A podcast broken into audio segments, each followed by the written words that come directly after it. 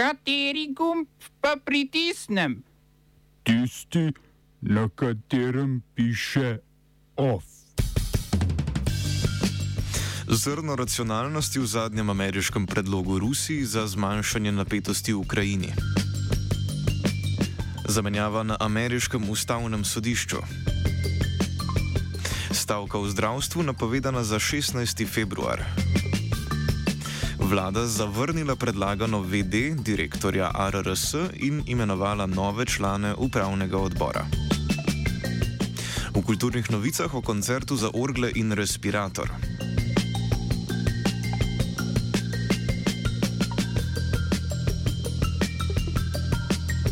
Dobar dan, najprej v Rusijo. Ruski zunani minister Sergej Lavrov je povedal, da je zadovoljen s potekom zadnjih pogajanj z Združenimi državami Amerike o znižanju napetosti med Rusko federacijo in NATO.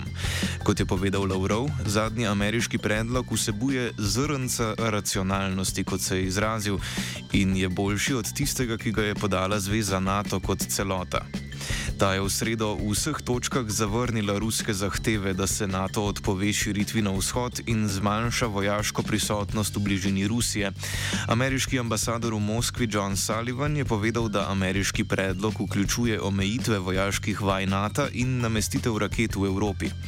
Kakšne rakete naj bi bile v igri, ni znano, mogoče pa je, da gre za rakete srednjega dosega, ki lahko nosijo tako konvencionalne kot jedrske bojne konice. Te rakete so bile bile prepovedane po sporazumu med Rusijo in ZDA, od katerega je ameriški predsednik Donald Trump leta 2019 odstopil.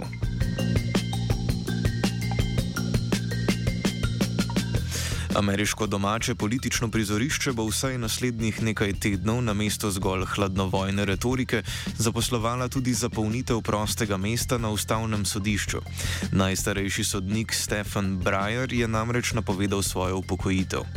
Breyer je ustavni sodnik postal leta 1993 in je veljal za glavnega liberalnega pravnega teoretika na sodišču. V javnosti je bil sicer manj poznan kot nekateri njegovi kolegi, naprimer politična sopotnica podjetnica Ruth Bader Ginsburg, ki je v zadnjih letih med ameriškimi liberalci veljala za kulturno ikono. Med mandatom Donalda Trumpa je prav njena smrt omogočila, da se je razmerje moči med republikanci in demokrati na sodišču v zadnjih štirih letih nagnilo povsem v desno. Ustavno sodišče je predvsem v zadnjih dveh desetletjih postalo predvsem poligon političnega boja, kjer vsaka politična stran imenuje sebi zveste pravnike. Hkrati je sodišče zaradi političnih blokad v kongresu pridobilo na politični teži. Mandat sodnikov nima omejitve trajanja, zato sodijo več desetletij. Imenovanje novih sodnikov pa je relativno redko in predmet najostrejših političnih bojev. Zato je poleg prave politične usmeritve najpomembnejša kvaliteta kandidatov njihova mladost. Sodnika ali sodnico na predlog predsednika imenuje senat. Demokrati imajo v tem domu kongresa trenutno tesno večino, zato lahko upajo, da bodo uspeli potrditi prvo izbiro predsednika Joea Bidna.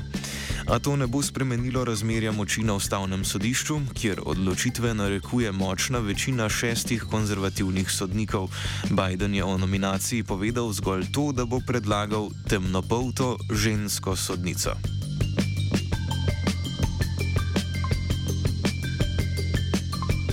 Nemško ustavno sodišče je odločilo, da Facebook ne sme ukiniti profilov uporabnikov, ki si na njihovem glavnem socialnem omrežju ustvarijo profili pod psevdonimom.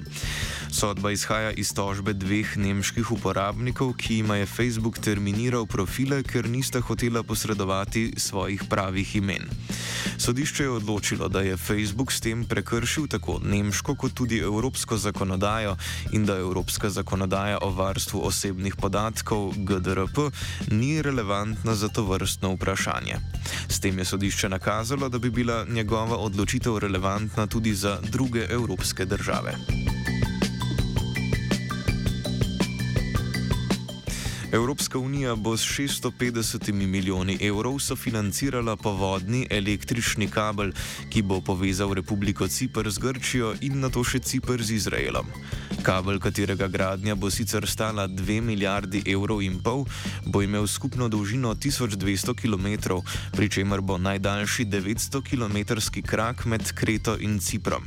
Prenašal bo lahko 1 gigavat električne energije, kar je dovolj, da bi sam napajal vzhodno-mediteranski otok. Cipr ima sicer danes glede na kupno moč daleč najdražjo elektriko v Evropski uniji, večino je namreč pridobijo iz elektrarn, ki uporabljajo nafto. Težavo na Cipru predstavlja tudi nezanesljivost oskrbe. Pred desetimi leti je glavno elektrarno na otoku uničila eksplozija v bližnjem pristanišču, zato je bila oskrba z elektriko močno motena skoraj eno leto.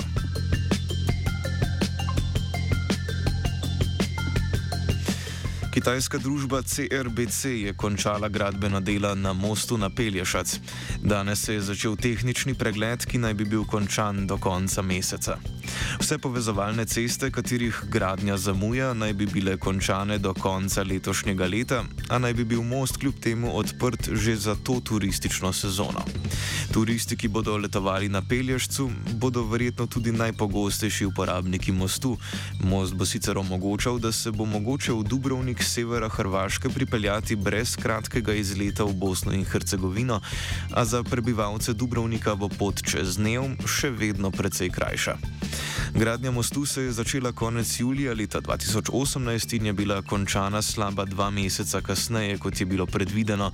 Dela so zastala predvsem zaradi epidemije novega koronavirusa. Skupna ocenjena vrednost projekta je 420 milijonov evrov, od česar je Evropska unija prispevala skoraj 80 odstotkov. Oba, če, če bom odgovoril na angliški. Slovenija bo poskušala pomagati. Slovenija bo naredila naš utmost, da bo rekla, da je situacija naš problem, sami.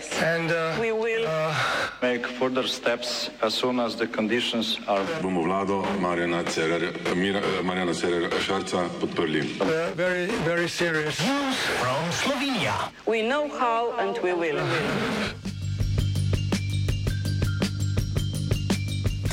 Vlada je zavrnila imenovanje Lidije Tičar-Padar za vršilko dolžnosti direktorice Javne agencije za raziskovalno dejavnost, krajše RRS. Tičar-Padar je upravni odbor agencije na to mesto predlagal že dvakrat. Na mesto nje naj bi vlada po poročanju dnevnika na vrhu RRS želela profesorja medicine Mitjo Lajnščaka. Upravni odbor je presodil, da ima Tičar Padar ustreznejše kvalifikacije za ta položaj. Vladna stran nasprotno trdi, da je treba imenovati kandidata, ki prihaja izven RRS. Vlada je sicer pred tednom dni predčasno razrešila direktorja RRS-ja Roberta Repnika, ki je dal odpoved zaradi zdravstvenih razlogov in mu mandat poteče v nedeljo. Na včerajšnji seji je vlada na mesto imenovanja njegove naslednice v upravnem odboru razrešila štiri člane in imenovala nove. Predsednik koordinacije samostojnih raziskovalnih inštitutov, profesor Gregor Anderluh, sicer direktor Kemijskega inštituta, razloži mnenje koordinacije o teh vladnih potezah. V koordinaciji samostojnih raziskovalnih inštitutov Slovenije seveda zelo nasprotujemo takšnim odločitvam. Eh, menjava članov upravnega odbora, ki so delo upravljali dobro in strokovno sredi mandata, eh, zaradi eh, nekih točno določenih interesov seveda ni upravičena. Upravni odbor je korektno predlagal vladi v potrditev že, drugo, že, že drugič kandidatko, ki uh, bi lahko kompetentno prevzela vodenje agencije do imenovanja novega direktorja, uh, ker se je več let upravljalo to funkcijo namestnice direktorja. Uh, zdaj, um, kandidat, ki ga um, uh, forsira, uh, ministrstvo pa slabo pozna raziskovalni sistem in delovanje agencije. Uh, To je pa seveda ključno uh, pri vodenju uh, te agencije, ki je zelo uh, zahtevno uh, za slovensko znanost, ima pa zelo, zelo pomembno vlogo. Protestirali so tudi v sindikatu vzgoje, izobraževanja, znanosti in kulture Slovenije. Ministrici Simoni Kustec so poslali protestno pismo, v katerem vladi očitajo neresen odnos države do znanosti in imenovanje kandidatov po politični liniji.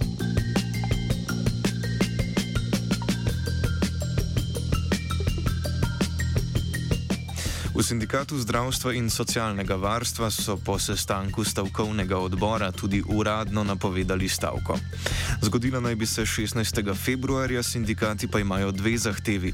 Prva je takojšen začetek pogajanj za vsa delovna mesta v zdravstvu in socialnem varstvu v skladu z dogovorom o nujnih ukrepih na področju plač v zdravstvu konca lanskega leta.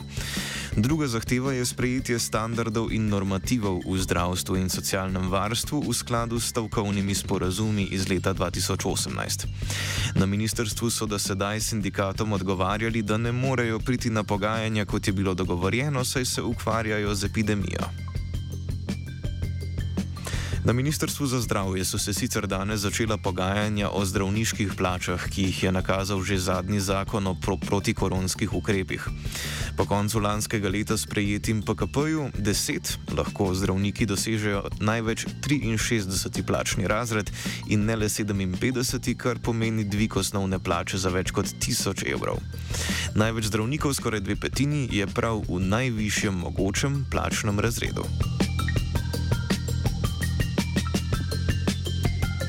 Of je pripravil Gal, sledijo pa kulturne novice.